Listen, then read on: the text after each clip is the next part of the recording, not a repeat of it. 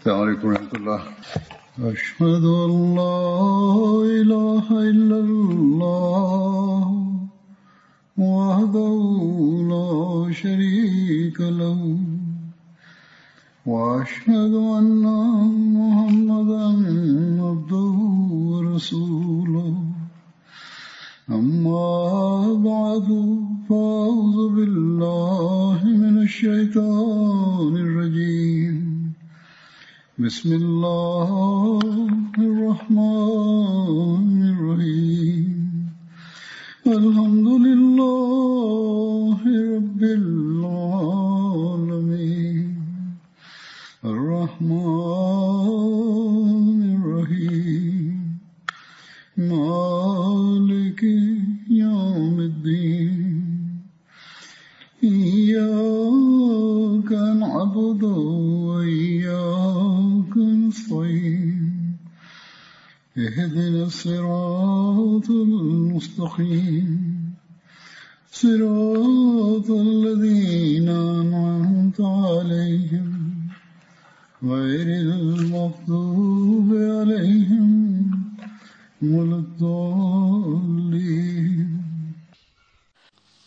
2023ခုနှစ်ဧပြီလ28ရက်နေ့မှာ हज़रत अमीरुल मोमिनीन खलीफतुल मसीह अल खामिस अयदहुल्लाह ताला बिन नसर अज़ीज़ जिस्मा खलीफा तखें जी का चीटे नाइगा इस्लामाबाद टेलफोशी मुबारक बली हुए चाउमा जुमा खुतबा मचा के बारे खलीफा तखें जी मैं चारो मुदी माँ लुटछो का पाकिस्तान အပါအဝင်အချို့နိုင်ငံတွေမှာရှိတဲ့အာမဒီတွေဟာစန့်ကျင်ရန်ပြုမှုတွေ ဖိနှိပ်ညှဉ်းပန်းမှုတွေနဲ့ရင်ဆိုင်နေကြရတယ်ဒီလောက်ရက်တွေပေါ်ကျွန်တော်တို့အနေနဲ့တီးခံလာခဲ့တာတော်တော်များခဲ့ပြီဒီလိုတီးခံနေမဲ့အစားမိမိတို့ဘက်ကတစုံတရာထိုက်တဲ့နဲ့တုံ့ပြန်မှုတွေပြုလုပ်တဲ့နဲ့ဆိုပြီးကျွန်တော်ထံစာရေးပြောပြကြသလိုအချို့ကလည်းပြန်လဲတုံ့ပြန်တဲ့ကြောင်းအထောက်ထားတတ်တွေတွေထုတ်နှုတ်လျက်တင်ပြကြပါတယ်ဒါပြင်မွတ်စလင်မောဦးရဒီအလာဟူအန်ဟူတခင်က ဂျမတ်ဘက်ကနေဘယ်ပုံဘယ်နည်းတုံ့ပြန်တဲ့ကြောင်းတချို့နေရာတွေမှာရန်ပြုဆန့်ကျင်တိုက်ခိုက်မှုတွေကိုပြန်လဲတုံ့ပြန်ဖို့တခင်ကခွင့်ပြုထားကြောင်းစသဖြင့်အထောက်ထားပြတင်ပြဖို့ကြိုးစားလာကြပါတယ်မွတ်စလင်မာဦးရဒီအလာဟူအန်ဟူတခင်ကပြန်လဲတုံ့ပြန်တိုက်ခိုက်ဖို့ခွင့်ပြုပေးထားတယ်ဆိုပြီးရင်ညွန်းပြောဆိုတာကအင်မတန်လွဲမားတဲ့စကားပါပဲဖြစ်ရတစ်ခုခုနဲ့ပတ်သက်လို့ဖတ်ရှုတဲ့နေရာမှာသဘောပေါက်လွဲသွားတာဖြစ်ပါတယ် မွတ်စလင်မာဦးရဒီအလာဟူအန်ဟူတခင်ကဥပဒေပေါင်းအတွင်းကနေတချို့လှုပ်တဲ့လှုပ်ထိုက်တာတွေကိုလှုပ်ဆောင်ခဲ့တာမျိုးသာရှိပါတယ်ဒီလိုမဟုတ်ပဲစူပူတောင်းညမ်းသူတွေလိုဘာမှစဉ်းစားဆင်ခြင်မှုမပြုပဲဒေါသကိုရှေ့တန်းတင်ပြီးဒဇွတ်ထိုးတုံ့ပြန်တိုက်ခိုက်ဖို့ဆန္ဒဖော်ထုတ်ဖို့ခွင့်ပြုခဲ့တာမျိုးမဟုတ်ပါဘူးပြီးတော့တနေရာရာမှာပုံစံတစ်မျိုးမျိုးနဲ့ဆန္ဒထုတ်ဖော်မှုရှိခဲ့ရင်လေအဲ့ဒါက ခေတ်ကာလခလီဖာရဲ့ခွင့်ပြုချက်ဖြစ်တာဖြစ်ပါတယ်ဒီလိုမဟုတ်ပဲတာဝန်ရှိအကြီးအကဲပုဂ္ဂိုလ်တွေကမိမိတို့သဘောဆန္ဒအလျောက်လူတွေကိုစုယုံပြီးဆန္ဒပြတာမျိုးတွေလုပ်ပိုင်ခွင့်လုံးဝမရှိပါဘူးမိတို့ဆိုစေအိန္ဒိယပါကစ္စတန်ခွဲခြမ်းမှုမတိုင်မီအိန္ဒိယကိုအင်္ဂလိပ်အစိုးရကကိုလိုနီပြုစိုးမိုးအုပ်ချုပ်စဉ်ကအင်္ဂလိပ်လူမျိုးအကြီးအကဲတွေနဲ့ကျွန်တော်တို့ဂျမာတ်ကိုစန့်ကျင်သူတွေက မွတ်စလင်မာဦးရဒီအလာဟူအန်ဟူတခင်ရဲ့မိကွန်းတွေကိုစိတ်ကြွအောင်လှုံ့ဆော်ပေးတဲ့မိကွန်းတွေဖြစ်ကြောင်းအမုန်းစကားကိုဖြန့်ချီတဲ့မိကွန်းဖြစ်ကြောင်းမဟုတ်တမ်းတရားရိုးစွပြီးတခင်ကိုဖမ်းဆီးဖို့အချိန်များစွာကြိုးစားခဲ့ကြပါတယ်။ဒါပေမဲ့တခင်ကိုဖမ်းဆီးဖို့ကြံစီခဲ့ကြတဲ့သူတို့ရဲ့အကြံစီတွေကဘာကြောင့်မအောင်မြင်အထမမြောက်ခဲ့ရသလဲဆိုရင်မွတ်စလင်မာဦးရဒီအလာဟူအန်ဟူတခင်ကဂျမာတ်ကိုဆန့်ကျင်သူတွေနဲ့ အစိုးရပိုင်းထိပ်သီးပုဂ္ဂိုလ်တွေရဲ့အသွေးရောင်အမှန်ကိုဖော်ထုတ်တင်ပြလျက်ဂျမာတ်ဖွဲ့ဝင်တွေကိုနဗီတမန်တော်တွေရဲ့ဂျမာတ်ဤလုပ်ငန်းတာဝန်ကစဘာတိခံခြင်းကိုလက်ကင်ပြုလျက်ဥပဒေကိုလေးစားလိုက်နာခြင်းသာဖြစ်တယ်ဆိုပြီးတွင်တင်လမ်းညွှန်ထားပါတယ်ဒီကြောင့်ကိုအဲ့ဒီခေတ်ကဂျမာတ်ကိုဆန့်ကျင်နေကြတဲ့နိုင်ငံအကြီးအကဲတွေကိုယ်တိုင်ကခုလိုအတိမတ်ပြုပြောဆိုကြပါတယ် သခင်မိကွန်းပြောနေစဉ်အတွင်းမှာယနေ့တော့သခင်ကိုဖမ်းဆီးဖို့အခွင့်အရေးရပြီပုံကံမှုငြိမ်းချမ်းရေးပြပြားစေမှုဆွဲချက်နဲ့ဖမ်းဆီးနိုင်ပြီလို့ကျွန်တော်တို့ထင်ခဲ့မိတယ်တဒါပေမဲ့မိကုံးရဲ့ဒီကုန်းပိုင်းမှာသခင်ကမတူကွဲပြားတဲ့ပုံစံအသွင်တစ်မျိုးဖြစ်ဂျမတ်ကိုတွန်းတင်ဆုံးမလျက်တိုင်းပြည်တီစဲဥပဒေကိုချိုးဖောက်တဲ့ဘယ်လိုလောက်ရက်ကိုမှမလုပ်ဖို့တားမြစ်ခဲ့ပါတယ် ဒီလိုအဖြစ်စန့်ကျင်ဘက်ရန်သူတွေရဲ့အကြံစီတွေကတဲတဲ့ရေသွန်ဖြစ်ခဲ့ရပါတယ်ဒါပြင်မွတ်စလင်မောဒ်ရဒီအလာဟူအန်ဟူတခင်လိုပုဂ္ဂိုလ်ကအစ္စလမ်တွင်တင်ချက်မစီမောဒ်လိုင်စလမ်တခင်ရဲ့တွင်တင်ချက်နဲ့လုံးဝအုပ်တုံဖီလာဆန့်ကျင်တဲ့စကားကိုပြောဖို့ပြုလုပ်ဖို့ဆိုတာဘယ်လိုလုပ်ဖြစ်နိုင်ပါမလဲမစီမောဒ်လိုင်စလမ်တခင်ကမိမိရဲ့ဂျမာတ်ကိုအခါအားလျော်စွာဆဘရတိခံခြင်းကိုလက်ကင်ပြုကျင့်သုံးဖို့ တဝါဆူတောင်းလျက်နေဖို့တိုက်တွန်းမိန့်မာတော်မူခဲ့ပါတယ်ဒါပြင်တခင်ကြီးကကျွန်ုပ်နဲ့အတူခက်ခဲကြမ်းတမ်းတဲ့လမ်းကိုရှောက်လန်းဖို့အခြေမခိုင်ဘူးဆိုလျင်တီးခံမြဲမြံခြင်းတရားကိုကျင့်သုံးနိုင်စွမ်းမရှိဘူးဆိုလျင်ကျွန်ုပ်နဲ့တီးချမ်းဖယ်ခွာပြီးနေလိုက်ပါလို့မိန့်တော်မူခဲ့ပါတယ်တကယ်တော့ဒီလိုဆဘရတိခံခြင်းစံနမူနာကိုကမ္ဘာလောကတစ်ခုလုံးရှိအာမဒီတဦးချင်းစီကတိဆောက်ပြသနေကြတာဖြစ်ပါတယ် နိုင်ငံရေးသမားအတော်များများနဲ့သတင်းမီဒီယာသမားတွေကလည်းဒီကြောင်းနဲ့ပတ်သက်ပြီးကျွန်တော်တို့ကိုမေးမြန်းကြပါတယ်သူတို့မေးလာတိုင်းမှာကျွန်ုပ်ကသူတို့ကိုများသောအားဖြင့်အခုလိုအဖြေပေးလေးရှိပါတယ်ကျွန်ုပ်တို့ကိုထိခိုက်နာကျင်အောင်ပြုလုပ်တဲ့သူတွေမတရားသဖြင့်ဖိနှိပ်ညှဉ်းပန်းမှုပြုသူတွေထဲကပဲအာမဒီတွေဖြစ်လာကြခြင်းဖြစ်တယ်ဒါပြင်ဒီလိုဖိနှိပ်ညှဉ်းပန်းမှုတွေနှိပ်စက်ကလူပြုမှုတွေရှိနေလင့်ကစား အလာရှိမြတ်ရဲ့ဖဇလ်ကျေးဇူးတော်နဲ့အဲ့ဒီလိုမတရားဖိနှိပ်သူတွေထဲကပဲအာမဒီရဲ့အတွင်းဝင်ရောက်လာလျက်ရှိကြပါတယ်ကျွန်တော်တို့စီမှာလည်းသူတို့လိုပဲစိတ်ခံစားချက်တွေရှိကြပါတယ်ကျွန်တော်တို့ဘက်ကလည်းသူတို့ရံပြုတ်တယ်လို့မျိုးခက်ထန်စွာပြန်လဲတုံ့ပြန်နိုင်ပါတယ်ဒါပေမဲ့ကျွန်တော်တို့ဟာခေတ်ကာလအလင်းပြပုဂ္ဂိုလ်အီမမ်ဦးစီးကောင်းဆောင်ကို နောက်လိုက်နာခံသူတွေဖြစ်ပြီးအဲ့ဒီအရှင်သူမြတ်ဟာငြိမ်းချမ်းရေးတည်တံ့စေဖို့ အလရှမေဖဇလ်ကျေးဇူးတော်တွေကိုရရှိပိုင်ဆိုင်နိုင်စေရန်စဘာတိခံခြင်းကိုလက်ကင်ပြုကျင့်သုံးဖို့ကျွန်တော်တို့ကိုတွင်တင်မိန့်မာထားပါတယ်ဒါပေမဲ့ဥပဒေပေါင်းတွင်းကနေမိမိတို့ရဲ့ရပိုင်ခွင့်အခွင့်အရေးတွေကိုရရှိအောင်ကြိုးစားဖို့လိုတယ်ဆိုရင်ကြိုးစားနိုင်ပါတယ်တချို့သောအရေးကိစ္စတွေမှာဘယ်လိုဥပဒေပိုင်းအရလှုပ်ဆောင်ချက်တွေမှမပါဝင်ပဲအလရှမြတ်ထံတော်မှာသာလွှဲအပ်လိုက်ဖို့တွင်တင်ထားပါတယ် ဒီလိုဆိုရင်လရှမြတ်ကိုတော်တိုင်ကကျွန်တော်တို့ကိုကူညီဖို့ရောက်ရှိလာမှာဖြစ်တယ်တကယ်လက်တွေ့မှာလည်းအရှင်မြတ်ရဲ့အကူအညီကရောက်ရှိလို့လာခဲ့ပါတယ်တီးခံမြဲမြံမှုကိုဥထိပ်ပန်ဆင်လျက်လှုပ်ဆောင်ဖို့နဗီတမန်တော်တွေကတိုက်တွန်းမိန့်မာခဲ့ကြောင်းရှင်းလင်းစွာမှတ်သားထားဖို့လိုပါတယ်မစီမောဒလိုင်စလမ်တခင်ကလည်းကျွန်တော်တို့ကိုဒီတိုင်းပဲတွင်တင်ထားပါတယ်တခင်ကြီးဟာကျွန်တော်တို့အနေနဲ့စဘာတိခံမှုကိုလက်ကင်ပြုကျင့်သုံးဖို့တွင်တင်မိန့်မာတော်မူခဲ့ပါတယ် မိတို့ဆိုစေကျွန်တော်တို့ရဲ့ဖြေချားချက်ကိုကြားရတဲ့အခါမေးမြန်းသူအတော်များများကတန်တော်ဖြစ်ကြယုံတာမကသူတို့ကိုယ်တိုင်က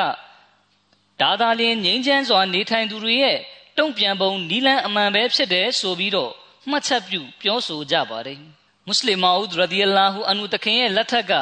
ဖြစ်ရတွေကိုအထောက်ထားနေနဲ့တင်ပြသူတွေကိုတခင်ကြီးရဲ့ခွတ်ဘာမိန်ကွန်းတွေကိုပဲအကိုးကားပြုလျက်အခြေတဝင့်တင်ပြလိုပါတယ် အဲ့ဒီခွတ်ဘာမှာတခင်ကစဘာတိခံခြင်းရဲ့အနတ်တိတ်ဘယ်ကိုအလွန်အနုစိတ်စွာရှင်းလင်းဖွင့်ဆိုတင်ပြထားပါတယ်ဒါတွေမကနောက်ပိုင်းခွတ်ဘာအစဉ်ဆက်မှာတခင်ကမြင့်မြတ်သောကိုခြင်းတရားများအကြောင်းကိုလည်းတင်ပြခဲ့ပါတယ်အဲ့ဒီခွတ်ဘာမှာလည်းတခင်ကစဘာတိခံခြင်းနဲ့ဆက်ဆက်တဲ့အကြောင်းအရာတွေကိုလည်းထည့်သွင်းမိန့်ကြားခဲ့ပါတယ်မိတို့ဆိုစေဒီခွတ်ဘာတွေကတချို့အချက်လက်တွေကိုအကျိုးခံစားရရှိနိုင်စေဖို့ရာတင်ပြလိုပါတယ်ထိုနည်းတူ စဘာတိခံခြင်းနဲ့ပတ်သက်ပြီးမစီမောဒလိုင်စလမ်တခင်ကအခွင့်အခါအသီးသီးမှာမိန့်ကြားတော်မူခဲ့တဲ့မိန့်ကြားချက်တွေကိုလည်းတင်ပြပါမယ်မွတ်စလင်မာဦးရဒီအလာဟူအန်ဟူတခင်ကစဘာတိခံမြဲမြံမှုဟာမဖြစ်မနေလိုအပ်သောအရေးကြီးသည့်အရာတစ်ခုဖြစ်ကြောင်းမိန့်ဆိုထားပါတယ်မွတ်စလင်မာဦးရဒီအလာဟူအန်ဟူတခင်မိန့်ကြားတော်မူပါတယ်စဘာတိခံခြင်းနီးလန်းသည်နဗီတမန်တော်များ၏ဂျမတ်များ၌တိဆောက်ပြသသော အခြေခံအကြဆုံးနီးလန်းနှင့်မဖြစ်မနေကျင့်သုံးလိုက်နာအပ်သောဖရတ်တာဝန်များအနက်မှဖြစ်ပေသည်စဘာတိခံဆွဲမြဲခြင်းမရှိပဲမိသည့်ဂျမတ်မှအောင်မြင်တိုးတက်နိုင်လိမ့်မည်မဟုတ်သလိုလောကကိုမိမိတို့အတိုင်းမဖြစ်မနေလိုက်နာရှောက်လန်းလာအောင် ပြုလုပ်နိုင်လိမ့်မည်လည်းမဟုတ်ချေစဘာတိခံခြင်းမိသောဖရတ်တာဝန်ကိုကျင့်သုံးလိုက်နာခြင်းမရှိဘဲအောင်မြင်ခဲ့သည်ဟုသောဂျမားတခု၍မရှိခဲ့ကြ စဘရတိခံမြဲမြံမှုနှမျိုးနှစားရှိပေသည်ခလီဖာတခင်ကြီးမိန့်ကြားပါတယ်တခင်ကဒီအကြောင်းကိုအကျယ်တဝင့်ရှင်းလင်းတင်ပြထားသလိုအချို့အာယတ်မုခဘတ်တော်တွေရဲ့အကျယ်ရှင်းလင်းချက်တွေမှာဒီအကြောင်းကိုအကျယ်တဝင့်မိန့်ကြားတင်ပြထားပါတယ်စဘရတိခံမှုတစ်မျိုးမှာလူသားသည်မိမိတွင်တုံ့ပြန်ဖို့စွမ်းအားရှိသည့်တိုင်အောင်စဘရတိခံမှုကိုပြသခြင်းဖြစ်သည်ဒုတိယတိခံမှုမှာကတုံ့ပြန်ဖို့ပင်စွမ်းအားမရှိသောအခြေအနေတွင် ပြသသော စဘရတိခံမှုမျိုးဖြစ်သည်ဒါကမတတ်တာတဲ့အတွက်သီးခံလိုက်ရခြင်းမျိုးဖြစ်ပါတယ်တုံ့ပြန်ဖို့စွမ်းအားရှိသည့်တိုင်အောင်သီးခံမှုကိုကျင့်သုံးခြင်းဆိုသည်မှာပြဿနာဖန်တီးသူမတရားအနိုင်ထက်ပြုသူများကိုဘာမျှပြန်ပြီးတုံ့ပြန်အပြေမပေးခြင်းမျိုးဖြစ်သည်ဆိုလိုတာကရန်သူကမိမိကိုရန်မှုသလိုမျိုးပြန်လဲတုံ့ပြန်တာမျိုးမလုပ်ခြင်းဖြစ်ပါတယ်အလရှိမြတ်အလို့ငါအဆုံးစွန်သောစဘာတိခံဆွဲမြဲမှုကို ပြသခြင်းဖြစ်ပါတယ်တုံ့ပြန်ဖို့ပင်စွမ်းမရှိသည့်အတွက်တီးခံမှုကို ပြသခြင်းဆိုသည်မှာကောင်းကင်ယံကတ်ဒုက္ခများအားအလရှိမြတ်၏ခြေနှံ့နှစ်သက်မှုကိုနှစ်သက်လိုလားလျက်တီးခံကအရှင့်ကိုကျေးဇူးတင်ခြင်းဖြစ်သည်ခလီဖာသခင်ကြီးမိန့်ကြားပါတယ်ဥရဒူဘာသာစကားမှာသုံးဆွဲတဲ့ဆဘာဆိုတဲ့စကားလုံးရဲ့အနတ်အတိတ်ပဲအတိုင်းတာကနှုတ်ဆက်နေခြင်းတီးခံခြင်းဆိုတဲ့အတိတ်ပဲမျှတာဖြစ်ပါတယ် ဒါပေမဲ့အာရဘီဘာသာစကားမှာတော့ကျဲပြောတဲ့အနတ်အတိတ်ပဲတွေကိုပေးပါတယ်ဆဘာတီးခံခြင်းနဲ့ပတ်သက်ပြီးအာရဘီအနတ်အတိတ်ပဲတွေကိုလေ့လာကြည့်မယ်ဆိုရင်ဆဘာရီရဲ့သဘောမှန်ကဘယ်လိုရှိသလဲမိုးမင်းယုံကြည်သူတဦးအနေနဲ့ဆဘာတီးခံခြင်းဆိုင်ရာစံနမူနာကိုဘယ်လိုတိဆောက်ပြသရမလဲဆိုတာရှင်းရှင်းလင်းလင်းနားလည်သွားပါလိမ့်မယ်အလရှမြတ်ကနေရာများစွာတွင်ဆဘာတိခံခြင်းတရားကိုလက်ကင်ပြုကျင့်သုံးဖို့အတွက် တွင်တင်မိန့်ကြားထား၏အလရှမြတ်၏အမိန့်တော်များကိုမျက်မှောက်ပြုလျက်အဘိဓမ္မာတွင်ဖော်ပြထားသောဆဘာဆိုသည့်စကားလုံး၏အနတ်အတိတ်ပဲသဘောတရားကိုလေ့လာကြည့်ခြင်းအဖြစ်ဆဘာအမျိုးအစား၃မျိုးရှိကြောင်းသိရှိရသည်ပထမအမျိုးအစားဆဘာမှာအဖြစ်အမှားများမှရှောင်ကျဉ်ခြင်းဖြစ်၏မိမိစိတ်ကိုအပြည့်အမားမကျူးလွန်မိစေရန်ဟန်တားခြင်းဖြစ်၏ဒုတိယအမျိုးအစားဆဘရမှာ ကောင်းသောအမှုကိစ္စများတွင်မြဲမြံစွာယက်တည်ခြင်းဖြစ်သည်တတိယအမျိုးအစားဆဘရမှာထိတ်လန့်ခြင်းမှရှောင်ရှားခြင်းဖြစ်၏ဥရဒူဘာသာစကားမှာများသောအားဖြင့်အထက်ပါအနတ်တိတ်ပဲတွေကိုဖော်ပြထားပါတယ်ပထမအမျိုးအစားဆဘရီသဘောတရားရှုထောင့်အရာအပြစ်ငရဲဘတ်သို့ဆွဲငင်ခေါ်ဆောင်သော မကောင်းမှုများမှစင်ဆက်မပြတ်မြဲမြဲမြံမြံရှောင်ကျင်ရမည်မှာလူသား၏တာဝန်ဖြစ်သည် တဖန်နောင်တွင်မိမိအားအပြင်းငရဲဘတ်သို့ဆွဲခေါ်သွားစေနိုင်မည်မကောင်းမှုများကိုလည်းတွန်းလှန်ဖို့အသင့်ဖြစ်သွားရမည်ခလီဖာသခင်ကြီးမိန့်ကြားပါတယ်တစ်ဖက်လူပြောတာကိုမိမိကခံနိုင်ရင်ရှိတယ်တီးခံနိုင်တယ်ဆိုယုံများဖြင့်စစ်မှန်တဲ့စဘာတီးခံမြဲမြံသူလို့မခေါ်ဆိုနိုင်ပါဘူးအမှန်တော့တသမတ်တဲ့ပုံစံနဲ့မိမိရဲ့အတွင်းပိုင်းအခြေအနေကိုစင်ကြယ်အောင်ပြုလုပ်ခြင်းကိုပဲစစ်မှန်တဲ့စဘာရတိခံမြဲမြံခြင်းလို့ခေါ်ပါတယ် လူသားဟာအဲ့ဒီလိုအခြေအနေမျိုးတိဆောက်နိုင်ပြီဆိုရင်အလရှမြတ်ကသူထင်မှတ်မထားတဲ့ပုံစံနဲ့သူ့ကိုကူညီဖို့ရောက်ရှိလာမှာဖြစ်တယ်။စန့်ကျင်သူတွေကကျွန်တော်တို့ဟာစဘာတိခံခြင်းဆိုတဲ့ကိုကျင်တရားဝိယုံကိုချွတ်ခွာပြီးသူတို့လွန်ကျူးပြုလုပ်သလိုမျိုးကျွန်တော်တို့လည်းလှုပ်လာအောင်လိုလားနေကြတာဖြစ်ပါတယ်။ဒီလိုအားဖြင့်သူတို့ရဲ့ရည်ရွယ်ရာပန်းနိုင်ကိုရောက်ရှိဖို့ပါပဲ။ဒါပေမဲ့အလရှမြတ်ကကျွန်တော်တို့ကို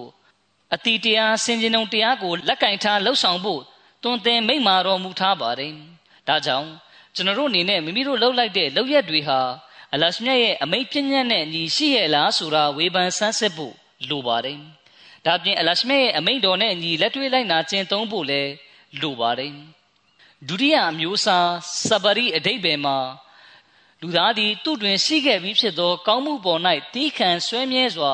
ယက်တည်ရမည်ဖြစ်ကြောင်း လက်ရှိမိမိမလှုပ်ဆောင်နိုင်သေးသော ကောင်းမှုမျိုးကိုလှုပ်ဆောင်နိုင်ဖို့လည်းကြိုးစားရမည်ဖြစ်ကြောင်းရှင်းလင်းစွာဖော်ပြလျက်ရှိပေသည်ဒါကလည်းဆဗရတိခံခြင်းအမျိုးအစားတစ်ခုဖြစ်ပါတယ်ဒီဆဗရတိခံမြဲမြံမှုကလူသားကိုအလာနဲ့နီးစပ်သွားစေနိုင်ပါတယ်ဒီလိုလရှမြတ်နဲ့နီးစပ်မှုကိုရုပ်ပိုင်းဆိုင်ရာကြိုးပမ်းမှုနဲ့အတူဒဝါဆူတောင်းမှုအားဖြင့်ရရှိနိုင်ပါတယ်။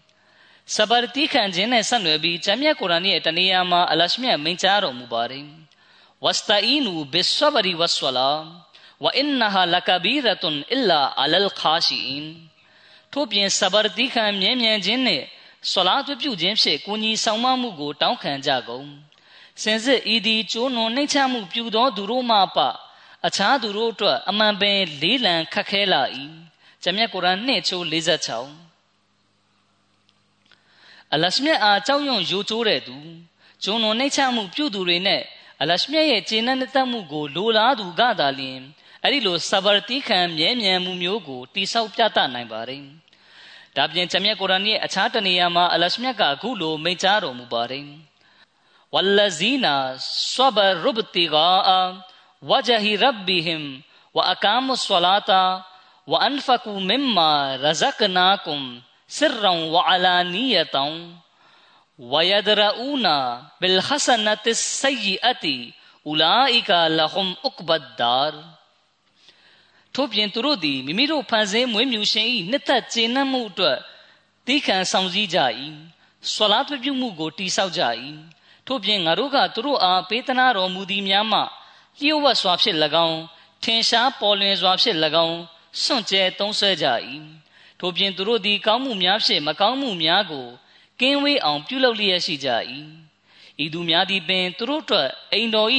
အကောင်းဆုံးသောရလဒ်သည်ရှိ၏ဂျမ်မြတ်ကုရ်အာန်73ချိုး23ခလီဖာသခင်ကြီးမိန့်ကြားပါတယ်တနည်းအားဖြင့်ဒီလောကီဟာယာယီမြတာဖြစ်တယ်လို့အခက်ခဲဒုက္ခတွေထူပြောတဲ့နေရာဌာနဖြစ်ပါတယ်နောက်ဆုံးတည်မြဲမဲ့အိမ်တော်ကတမလွန်ရဲ့အိမ်ပဲဖြစ်ပါတယ် အဲ့ဒီအိမ်တော်ကိုအလရှမြတ်ရဲ့ကျင့်တဲ့တက်မှုကိုလိုလားတဲ့သူသားလျင်ရရှိပါတယ်ဒါကြောင့်စဘာတိခံမြဲမြံမှုတသမတဲရှိသောစိတ်ထားကျွန်းလွန်နှိမ့်ချမှုဒွါဆူတောင်းမှုစာရာတွေကအလရှမြတ်ရဲ့ကျင့်တဲ့တက်မှုကိုရရှိစေတဲ့အကြောင်းကံတွေဖြစ်ပါတယ်အလရှမြတ်ရဲ့ကျင့်တဲ့တက်မှုကိုရရှိဖို့ဆိုတာကလည်းမိမိတို့ရဲ့အခြေအနေတွေကိုအလရှမြတ်ဆင့်ဆိုမိန့်ကြားထားတဲ့တွင်တင်ချက်တွေနဲ့အညီလက်တွေ့လှုပ်ဆောင်တော့မှသာလျှင် မိမိတို့ဘဝကိုကျင့်သုံးတိဆောက်တော့မှသာလျှင်ဖြစ်နိုင်ပါလိမ့်မယ်အလရှမြရဲ့ကျင့်တဲ့တမှုကိုရရှိဖို့ကကျွန်တော်တို့ဘဝရဲ့အဓိကရည်ရွယ်ဥတီချက်ဖြစ်ရပါမယ်အထက်မှာတင်ပြခဲ့သလိုပဲကြောက်ရွံ့တဲ့အတွက်တီးခန္ဓာမျိုးမဖြစ်ရပါဘူးရုပ်ပိုင်းဆိုင်ရာစမ်းသပ်မှုတွေယောဂဗျာတွေဥစ္စာဒနာဆုံးရှုံးမှုတွေနဲ့အခက်ခဲဒုက္ခတစ်ခုခုကြာရောက်လာပါကလည်းကြောက်ရွံ့တုန်လှုပ်တာမျိုးမဖြစ်သင့်သလို အလာကမိမိကိုဘယ်လိုပြုမှုလိုက်တာလဲဆိုပြီးအရှင့်ကို ဖြစ်တင်တာမျိုးညီးတွားတာမျိုးမဖြစ်သင့်ပါဘူးဒီပြုမှုတွေကစဘာတိခံမှုမရှိခြင်းအခြေအနေလက္ခဏာပဲဖြစ်ပါတယ်အလရှမြတ်ကိုပြစ်တင်ခြင်းဟာအလွန်လွဲမားတဲ့လောက်ရပါပဲမိမိမှာရှိသမျှအရာရာတိုင်းကအလရှမြတ်ထံတော်မှဆုလက်အနေနဲ့ရရှိနေခြင်းဖြစ်တယ်ဆိုတဲ့အတွေးမျိုးအမြဲတမ်းရှိနေရပါမယ်အလရှမြတ်ဟာဒီကနေ့မိမိထံမှာရှိတဲ့အရာတွေကိုရုပ်သိမ်းနေဆိုရင် နောက်နေ့မှာထပ်ပြီးပေးသနာတော်မူပါလိမ့်မယ်ဒါမျိုးတွေးခေါ်နိုင်စွမ်းရှိသူကိုသာလျှင်စစ်မှန်တဲ့မုံမင်းယုံကြည်သူလို့ခေါ်ဆိုနိုင်မှာဖြစ်ပါတယ်ဒါမျိုးစဘာတိခံမြဲမြံမှုကိုတိဆောက်ပြသနိုင်သူသာလျှင်အလရှမေရဲ့အမြင်မှာစစ်မှန်တဲ့တိခံမြဲမြံသူပဲဖြစ်ပါတယ်အထမတင်ပြခဲ့တာကစဘာရီရဲ့သုံးမျိုးသောအတိတ်ပဲဖွင့်ဆိုချက်ဖြစ်ပါတယ်မိမိရဲ့အာနယ်မတက်တာမှုတစုံတရာကြောင့်စဘာတိခံမှုပြုလုပ်လိုက်တာမျိုး လောကီရေးဆုံးရှုံးမှုကိုကြောက်တဲ့အတွက်တီးခံတာမျိုးမဖြစ်ရပါဘူးအမှန်တော့အလရှမြတ်ကျင့်တဲ့တပ်ဖို့အတွက်တတ်စဘာတိခံမှုကိုကျင့်သုံးတိဆောက်တာမျိုးဖြစ်ရပါမယ်ဒီလိုမှသာလျှင်အလရှမြတ်ရဲ့ဖဇလ်ကျေးဇူးတော်တွေကိုဆွဲငင်နိုင်တဲ့စစ်မှန်တဲ့စဘာတိခံမှုလို့ခေါ်ဆိုနိုင်မှာဖြစ်ပါတယ်အကယ်၍တစုံတဦးဟာအကြီးကဲအရာရှိတွေရှင်ဘုရင်တပါးပါးရဲ့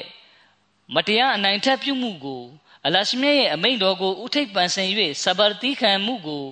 ကျင့်သုံးတိဆောက်မယ်ဆိုရင်အဲ့ဒီလိုပြုလုပ်ခြင်းကိုသာလျှင်စစ်မှန်တဲ့စဘာတိခံမြဲမြံမှုလို့ခေါ်ပါတယ်ဒီလိုမဟုတ်ပဲမိမိဘဝရှင်တန်ရက်တည်ဖို့ခက်ခဲသွားမှာကိုကြောက်တဲ့အတွက်တီးခံလိုက်တယ်ဆိုရင်အဲ့ဒီလိုလောက်ရက်ကမှားယွင်းပါတယ်ဂျမတ်ဖွဲ့ဝင်တွေကိုစဘာတိခံမြဲမြံမှုပြုဖို့တိုက်တွန်းနှိုးဆော်ရတာကလည်းအလရှမေအမိန့်တော်လာရှိထားတာကြောင့်ပဲဖြစ်ပါတယ် အကယ်၍လက်တုံပြန်ခွင့်ရှိတယ်ဆိုရင်တော့အာမဒီအတော်များများဟာလက်တုံပြန်ဖို့စိတ်အားပြင်းပြလျက်ရှိနေမှသိကြပါတယ်တကယ်တမ်းလက်တုံပြန်မယ်ဆိုရင်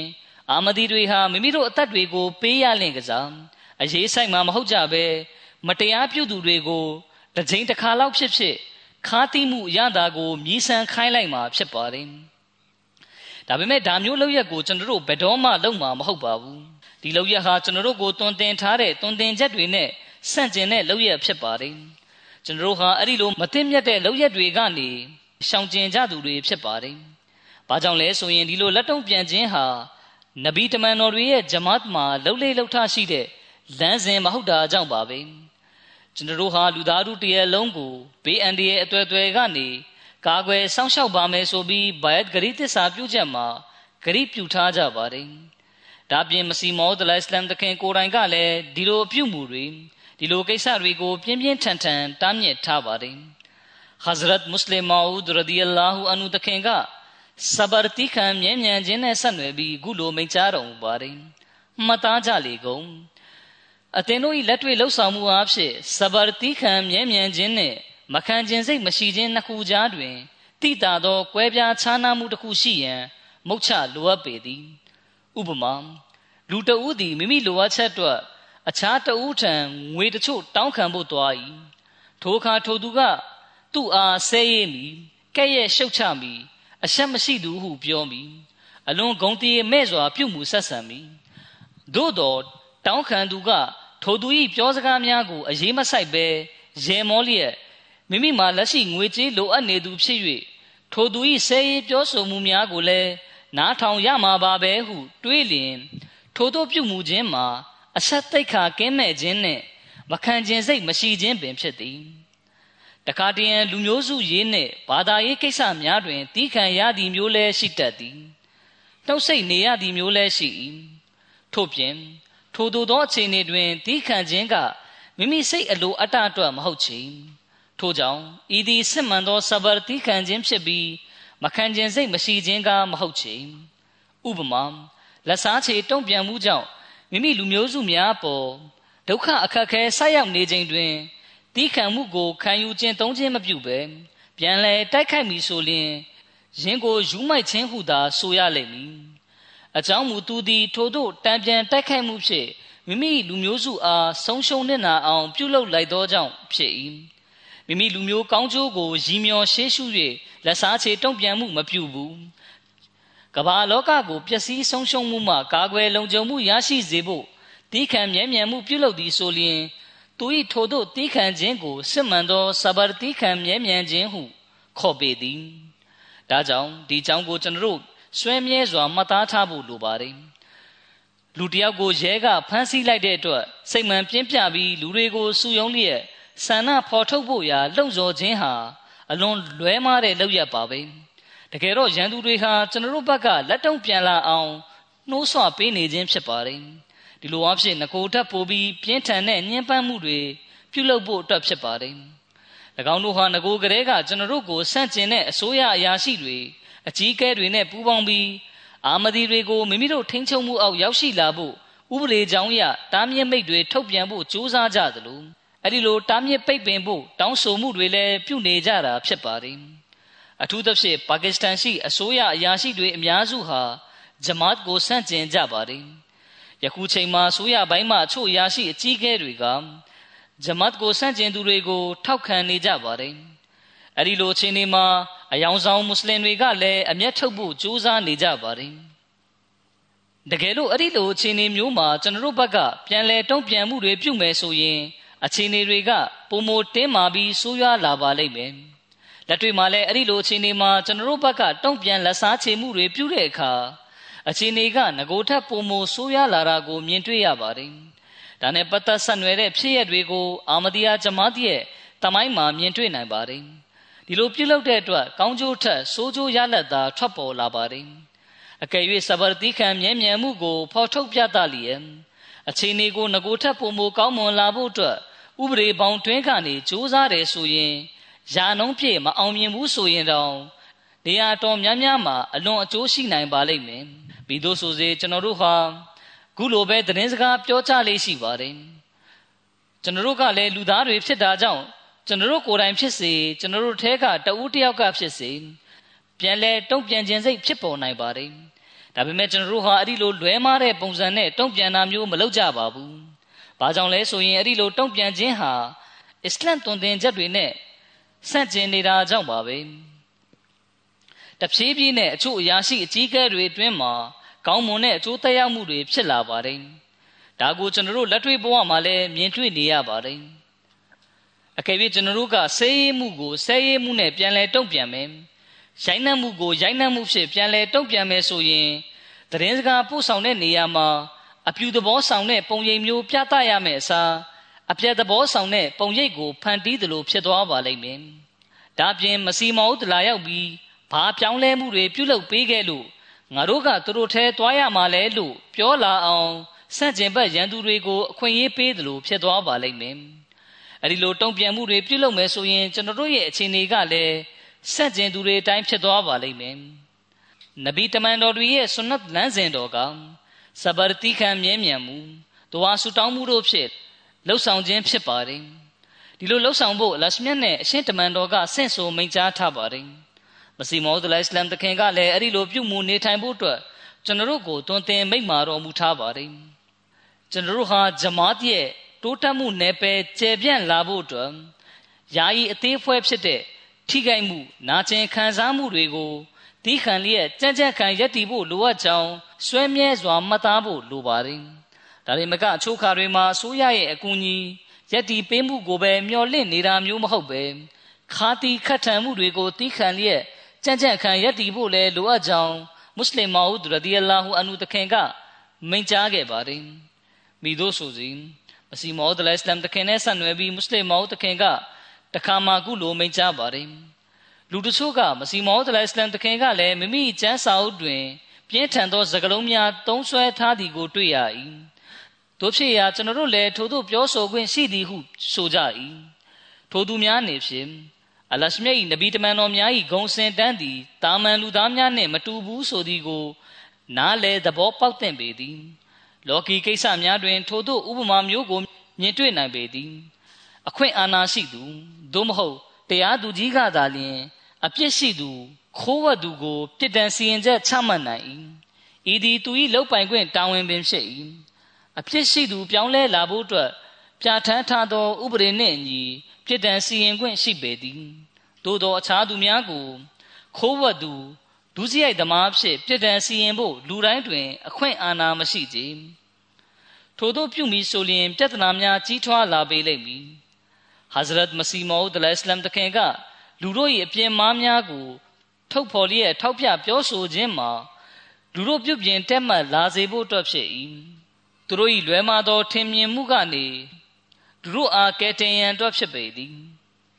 မစီမောဒ်လက်စလမ်တခင်ကမိမိကိုယ်တိုင်ရဲ့အခြေအနေနဲ့ပတ်သက်ပြီးခုလိုမိန့်ကြားပါတယ်ဆဲဆိုသောစကားများကိုနားထောင်လျက်ကပင်ထိုသူတို့အတွက်ကျွန်ုပ်ဒွါဆူတောင်းပေးပါ၏လူတို့ပေါ်ထားသည့်ပြင်းပြသောဂယုဏစိတ်ဖြင့်ကျွန်ုပ်မှာမိမိဒေါသကိုချိုးနိုင်ခဲ့ပါ၏မစီမောဒ်လိုင်စလမ်တခင်ကအခြားသူတွေရဲ့ခတ်ထန်မှုတွေကိုစဘာတိခံခြင်းနဲ့အတူ ကြံ့ကြံ့ခံရက်တည်ကြပါဆိုပြီးကျွန်တော်တို့ကိုတွင်တင်မိန့်မာထားပါတယ်မစီမောဦးတလိုင်စလမ်တခင်ရဲ့ဘဝမှာကြုံဆုံခဲ့ရတဲ့ဖြစ်ရတစ်ခုကိုတင်ပြလျက်ဟဇရတ်မုစလင်မာဦးရဒီအလာဟူအန်ဟူတခင်ကအခုလိုမိန့်ကြားပါတယ်တခါတွင်မစီမောဦးတလိုင်စလမ်တခင်ကမြင်းရထားတွင်ထိုင်လျက်လာဟိုမြို့သို့သွားခဲ့သည်ထိုမြို့ရှိစိုးသွမ်းတောင်းကျမ်းသူတစုကတခင်ကြီးဘက်သို့ကြောက်ခဲများဖြင့်ဒရဇတ်ပြစ်ခတ်၏ထိုကြောက်ခဲများကတခင်ကြီးစီးနှင်းလာသော မြင်းရထားကိုထိမှန်၏ကြောက်ခဲအပိုင်းစတွေကပြတင်းပေါက်ကနေအထဲသို့တိုင်ထိမှန်၏သို့သောတခင်ကြီးမှာကတစ်ချက်မျှပင်မျက်မှောင်ကျုပ်၍မျက်နာပြတ်သွားခြင်းမရှိကြဤဖြစ်ရကိုအကြောင်းပြုလျက်ထိုစိုးသွမ်းတောင်းကျမ်းသူများအတွင်းမှလူများစွာတို့သည်မစီမောဒ်လိုင်စလမ်တခင်၏ကျေးကျွန်အဖြစ်နှင့်တခင်ကြီးဂျမတ်တွင်သို့ဝင်ရောက်လာခဲ့ကြသည်မစီမောဒ်လိုင်စလမ်တခင်ဟာ စိုးသွမ်းသူတွေရဲ့ကြမ်းကြုတ်တဲ့လောက်ရက်ကိုပင်လင်တီးခံခဲ့ပါတယ်တခင်ကြီးပြသခဲ့တဲ့မြင်မာတဲ့ဆန္ဒမူနာမျိုးကိုယနေ့လဲကျွန်တော်တို့ပြသဖို့လိုပါတယ်အကယ်၍ဆန့်ကျင်သူတွေကမမိတို့ကိုကြိုးစီးပေါ်မနာလိုဝင်တုံမှုတွေကြောင့်ဆန့်ကျင်မှုတွေကိုထပ်တိုးလှုပ်ဆောင်နေအောင်မယ်ဆိုရင်တော့အလရှမြတ်ကိုတော်တိုင်သူတို့ကိုအပြစ်ပေးအရေးယူပါလိမ့်မယ်မိတို့ဆိုစေကျွန်တော်တို့ဟာစဘာတိခံမြဲမြံမှုနဲ့အတူဒဝါဆူတောင်းမှုဖြစ်လဲလှုပ်ဆောင်ဖို့လိုပါတယ် ဓမ္မတော်မြတ်ဆလလောလ္လဟ်အလัยဟိဝါစလမ်ရဲ့ခေတ်ကာလမှာလူတော်များများဟာကိုရောနဲ့ကိုရောတာဝကတော်တွေရဲ့စဘာတိခံမြဲမြံမှုဇွဲတက်တီတွေကိုမြင်တွေ့ပြီးအစ္စလာမ်ကိုတောက်ဝင်ယုံကြည်လာခဲ့ခြင်းဖြစ်ပါတယ်ဒီခေတ်ကာလမှာလည်းဒါမျိုးအလားတူဥပမာမျိုးကျွန်တော်တို့မြင်တွေ့နေရပါတယ်အထက်မှာမစီမောဒလစလမ်တခင်မိန့်ကြားတော်မူခဲ့သလိုပဲမစီမောဒလစလမ်တခင်ရဲ့ခေတ်ကာလမှာလည်းလူတွေကတခင်ကြီးရဲ့စဗာတိခံမြဲမြံမှုကိုမြင်တွေ့က အာမဒီယာဂျမတ်တွင်းသို့ဝင်ရောက်လာခဲ့ကြပါတယ်ယနေ့လည်းပဲဒါမျိုးနမူနာကိုမြင်တွေ့ရလျက်ရှိပါတယ်တိုင်းနိုင်ငံအသီးသီးမှလူတော်များများကမိမိတို့ရဲ့အခြေအနေတွေကိုကျွန်တော်ထံစာရေးပြောပြကြပါတယ်သူတို့တွေဟာဂျမားရဲ့တီးခံမြဲမြံခြင်းဆိုင်ရာတမိုင်းဖြစ်ရတွေကိုဖတ်ရှုရပြီးအာမဒီယာဂျမတ်တွင်ဝင်ရောက်လာခဲ့ကြခြင်းဖြစ်ပါတယ်မိမိရဲ့ဂျမတ်ဖွဲ့ဝင်တွေကိုစဘာတီခံခြင်းတရားလက်ကင်ပြုကြဖို့ တွင်တင်ဆုံးမလျက်အခါခွင့်တစ်ခုမှာမစီမောဒလအစ္စလမ်တခင်ကမိန့်ကြားပါတယ်စဘာဒီအလွန်အဖိုးထိုက်တန်သောယရနာတစ်ပါးဖြစ်၏စဘာတိခံမှုပြုပြီးဒေါသဖြင့်စကားပြောဆိုခြင်းမရှိသောသူ၏ပြောစကားများမှာသူ၏ပြောစကားမဟုတ်ဘဲအလရှမြတ်ကသူ့အားဖြင့်ပြောဆိုခြင်းဖြစ်သည်ထို့ကြောင့်ကျွန်ုပ်၏ဂျမတ်နေဖြင့်စဘာတိခံမှုဖြင့်လှုပ်ဆောင်ရမည်ဆန်ကျင်ဘတ်ရန်သူတို့၏ပြင်းထန်ကြမ်းတမ်းစွာပြုမှုဆက်ဆံလာခြင်းပေါ် အသင်တို့ကလည်း၎င်းတို့ကိုခတ်ထန်ကြမ်းတမ်းမှုဖြင့်မဆက်ဆံရ၎င်းတို့ဆဲရေးလာခြင်းပေါ်ပြန်လဲတုံ့ပြန်ဆဲရေးတာမျိုးမလုပ်ကြနဲ့ကျွန်ုပ်အားလိန်ညာသူဖြစ်ဆွဆွဲသူကကျွန်ုပ်၏နာမည်ကိုယဉ်ကျေးစွာပြောဆိုမိမဟုတ်ချေယင်းနှင့်အလားတူနမူနာမျိုးကိုတမန်တော်မြတ်ဆလလောလဟ်အလัยဟိလက်ထက်တော်တွင်လည်းများစွာမြင်တွေ့ရပါသည်စဘရနှင့်အလားတူမျိုးအခြားမိသည့်အရာများမရှိကြသို့သောစဘရတိခံမှုပြုရခြင်းမှာလွန်စွာခက်ခဲလာပါသည် စဘရတိခံမှုဖြင့်လှုပ်ဆောင်သူကိုသာအလရှမြတ်ကကူညီဆောင်မတော်မူ၏တဖန်ဂျမားရဲ့အခြေအနေကိုပုံရိပ်ဆွဲလျက်ဂျမတ်ထဲအသစ်ဝင်ရောက်လာကြသူတွေနဲ့ပတ်သက်တဲ့အကြောင်းကိုဖော်ပြလျက်စဘာတိခံမှုပြုကြဖို့မစီမောဒလအစ္စလမ်တခင်ကမိန့်ကြားပါတယ်။တမန်တော်မြတ်ဆလ္လာလဟ်အလัยဟိလက်ထက်တော်ကမွတ်စလင်တို့ရင်ဆိုင်ခဲ့ရသည့်အခက်ခဲဒုက္ခမျိုးကိုကျွန်ုပ်တို့၏ဂျမတ်ဖွဲ့ဝင်များလည်းခံစားရပါလိမ့်မည်။ ဤဂျမတ်တွင်သို့ဝင်ရောက်လာသူတဦးကြုံတွေ့ရမည့်ပထမဆုံးဒုက္ခမှာသူ၏မိတ်ဆွေတငယ်ချင်းများဆွေမျိုးသားချင်းများမိသားစုဝင်များကအဆက်ဖြတ်လိုက်ကြလိမ့်မည်အဘယ်များဟုမူချိုခါများတွင်မိဘ၏ညီကိုမောင်နှမများကပင် အသက်ကိုရန်ရှာသည့်ရန်သူများဖြစ်လာကြသည်အစ္စလာမူအလိုင်ကွမ်ဟူ၍ပင်နှုတ်ဆက်စကားဆိုသည့်အလေးထားမရှိတော့ကြထိုသူကွယ်လွန်လင်လဲသူ၏ဂျနာဇာကိုဝင့်မပြုပေးကြကြ ထိုကဲ့သို့များစွာသောဒုက္ခများကိုထိုသူရင်ဆိုင်ရပါလိမ့်မည်ကျွန်ုပ်တို့၏ဂျမတ်ထဲသို့ဝင်ရောက်လာကြသူများနှင့်စိတ်ပိုင်းဆိုင်ရာအားနည်းသူအချို့လည်းရှိကြလိမ့်မည်ဟုကျွန်ုပ်သိရှိရပါသည်ဖော်ပြပါအခက်ခဲများကိုရင်ဆိုင်ရသည့်အခါတုန်လှုပ်သွားတတ်ကြသည်သို့သောမှတ်သားထားရမည်မှာထို့သောသောအခက်ခဲဒုက္ခများမှာမလွဲမသွေလာရောက်ပါလိမ့်မည်အသင်တို့သည်နဗီနှင့်ရဆူလ်တမန်တော်များထက်ပုံမမြင့်မြတ်ကြသည်မဟုတ်ပါ၎ င်းတို့တောင်ထိုကဲ့သို့သောအခက်ခဲဒုက္ခများနှင့်ရင်ဆိုင်ရပါသေးသည်ထိုသည့်အခက်ခဲများကြာရောက်ခြင်းမှာဘုရားသခင်အလရှမြတ်ပေါ်ယုံကြည်မှုခိုင်မာလာစေရန်ဖြစ်သည်ထို့ပြင်တန်ရှင်းသောပြုပြင်ပြောင်းလဲမှုများပြုလုပ်ရန်အခွင့်အရေးရရှိစေဖို့ဖြစ်သည်တဝါစုတောင်းများ၌နစ်မြုပ်ထားကြကုန်ထို့ကြောင့်အသင်တို့သည်နဗီများနှင့်ရဆူများ၏နောက်သို့လိုက်နာလျှောက်လန်းကြကုန်စဘာတိခံမြဲမြံခြင်းအကျင့်ကိုမွေးမြူကြကုန် နာခံမှုကြောင့်အသင်တို့အတွက်မိတို့သောဆုံးရှုံးနှင့်နာမှုများရှိမိမဟုတ်ချေအမှန်တရားကိုလက်ခံလိုက်ခြင်းကြောင့်အသင်တို့အားဆွန့်လွတ်သည့်အသင်တို့၏တငယ်ချင်းသည်တငယ်ချင်းကောင်းမမီကြထို့သောမဟုတ်လျင်၎င်းသည်အသင်တို့နှင့်အတူရှိရမည်မဟုတ်လောအသင်တို့သည်အလရှမြတ်ကတီထောင်ထားသောအသင်တော်တွင်သို့ဝင်ရောက်ခဲ့ကြသောကြောင့်အသင်တို့အားအခေါ်ပြောမလို့အဆက်ဖြတ်လိုက်ကြသူတို့အားပြဿနာလို့ခိုက်ရန်ပွားတာမျိုးမလုပ်ကြနှင့်၎ င်းတို့အတွက်တိတ်တဆိတ်သွားဆူတောင်းပေးကြကုန်အလရှမြတ်ကမိမိဖဇလ်ကျေးဇူးတော်ဖြင့်အသင်တို့အားပေးသနာထားသည့်မာရီဖတ်ဉာဏ်စဉ်အတိထူးဆိုင်ရာအတိဉာဏ်စဉ်နှင့်ထွန်းပေါက်ရှုမြင်နိုင်မှုကို၎င်းတို့လည်းရရှိပါစေဟုဆုတောင်းကြကုန်ဒီတော့စီမောဒလစ်လမ်တခင်ကရန်သူတွေကိုပြန်လဲလက်တုံ့ပြန်ဖို့တိုက်ခိုက်ဖို့အတွက်တွင်တင်ခဲ့တာမဟုတ်ပဲသူတို့အတွက်ဒဝါဆူတောင်းပေးဖို့တင်ပြခဲ့တာဖြစ်ပါတယ်၎ င်းတို့အတွက်ကိုချင်းစာစိတ်ထားရှိဖို့တွင်တင်ခဲ့တာဖြစ်ပါတယ်ဒီလိုအဖြစ်၎င်းတို့လည်းအမှန်တရားကိုသိရှိနားလည်သူတွေဖြစ်နိုင်ကြစေဖို့ပါပဲမစီမောဒလစ်လမ်တခင်မိန့်ကြားပါတယ်အသင်တို့သည်ကောင်းသောလမ်းကိုရွေးချယ်လျှောက်လန်းခဲ့ကြပြီဖြစ်ကြောင်းတန်ရှင်းစင်ကြယ်သောစံနမူနာများဖြင့်၎င်းကောင်းမွန်စွာနေထိုင်ခြင်းသုံးမှုများဖြင့်၎င်းပြသကြလေကုန်အမျိုးမျိုးသောပြဿနာဖန်တီးမှုများခိုက်ရန်ဖြစ်ပွားမှုများ ဆန္ဒပြမှုများစသည်တို့မှရှောင်ကျဉ်လျက်နေဖို့တွင်တင်ပဲ့ပြင်ရန်ကျွန်ုပ်သည်ဆေလိုချင်းခံရ၏ထို့ပြင်သင်တို့သည်ဆဲရဲမှုကိုခံရသည့်တိုင်စဗရတိခံမှုပြုကြကုန်မကောင်းမှုကိုကောင်းမှုဖြင့်တုံ့ပြန်ကြကုန်တစုံတစ်ယောက်ကပြဿနာဖန်တီးရန်ဆိုင်းပြင်းနေပြီဆိုလျှင်အသင်တို့သည်ထိုနေရာမှရှောင်ခွာထွက်သွားကြပြီးရင်းထွက်တိမ်မွေ့နူးညံ့စွာဖြည့်ပေးတုံ့ပြန်ကြကုန်အချိုခါများတွင်လူတစ်ယောက်က အလွန်စိတ်မှန်ထကြွလျက် ကျွန်ုပ်အားဆန့်ကျင်မှုပြု၏ထို့သောဆန့်ကျင်မှုပြုရာတွင် ပုံကံတောင်းညံသောစိုးသွမ်းကောက်ကျစ်သောဤဖြင့်ဆန့်ကျင်ခြင်းဖြစ်သည်၎င်း၏ဆန့်ကျင်ပြောဆိုသောစကားများ၌ဒေါသစိတ်ဖြစ်စေရန်လှုံ့ဆော်မှုများပါ၏တို့တိုင်အောင် ထိုသူအားနူးညံ့တိမ်မွေ့စွာတုံ့ပြန်ပြောဆိုမှုကိုကြားရသောအခါသူဆဲရဲသည့်တိုင်သူအားပြန်လဲဆဲရဲခြင်းမပြုသောအခါသူကိုယ်တိုင်ကဆက်ယွန့်သွားပေလိမ့်မည် မိမိတို့ပြုမှုကိုဆက်ယွန့်လျက်နောင်တရကြသည်ပြီးခဲ့တဲ့ဂျမာခွတ်ဘာတွေမှာဘင်္ဂလားဒေ့ရှ်နိုင်ငံကဖြစ်ရတဲ့ဆက်နွယ်ပြီးတင်ပြခဲ့ပါတယ်အဲ့ဒီထဲမှာဥပမာတစ်ခုကိုလည်းတင်ပြခဲ့ပါသေးတယ်ကြောက်ခဲတွေနဲ့ပြစ်ခတ်နေတဲ့လူငယ်တဦးကိုကျွန်တော်တို့ရဲ့အာမဒီလူငယ်တဦးကအသင်ဘာလုပ်နေသလဲဆိုတာအသင်သိရဲ့လားဆိုပြီးပြောတဲ့အခါသူ့စိတ်မှာသူမမှန်းသိပြီးနောင်တရရလျက်လက်ထဲကကြောက်ခဲကိုပြစ်ချလိုက်ပါတယ်မစီမောဒလအစ္စလမ်တခင်မိန့်ကြားပါတယ် ကျွန်ုပ်အသင်တို့အားအမှန်ဆိုပါမည်ဒီခံမှုကိုလက်မလွတ်ကြကုန်နဲ့တနတ်နဲ့လှုပ်ဆောင်၍မအောင်မြင်နိုင်သောကိစ္စကိုစဘာတိခံမှုဖြင့်အောင်မြင်နိုင်ပေသည်စဘာကသာလျှင်နှလုံးသားများကိုတိုက်ခိုက်နိုင်ခြင်းဖြစ်သည်မှတ်သားကြကုန်ကျွန်ုပ်၏ဂျမတ်ဖတ်ဝင်ဖြစ်လျက်နှင့်ခယံဖြစ်ပွားသည်ဟူသောသတင်းကိုကြားရလျင်ကျွန်ုပ်လွန်စွာစိတ်ထိခိုက်ရပါသည်ထိုသည့်ခယံဖြစ်ပွားသောနီလန်းကိုကျွန်ုပ်လုံးဝမနစ်သက်ပါကြ ကမ္ဘာလောကအတွက်စံနမူနာဖြစ်သတ်မှတ်ခံရမည့်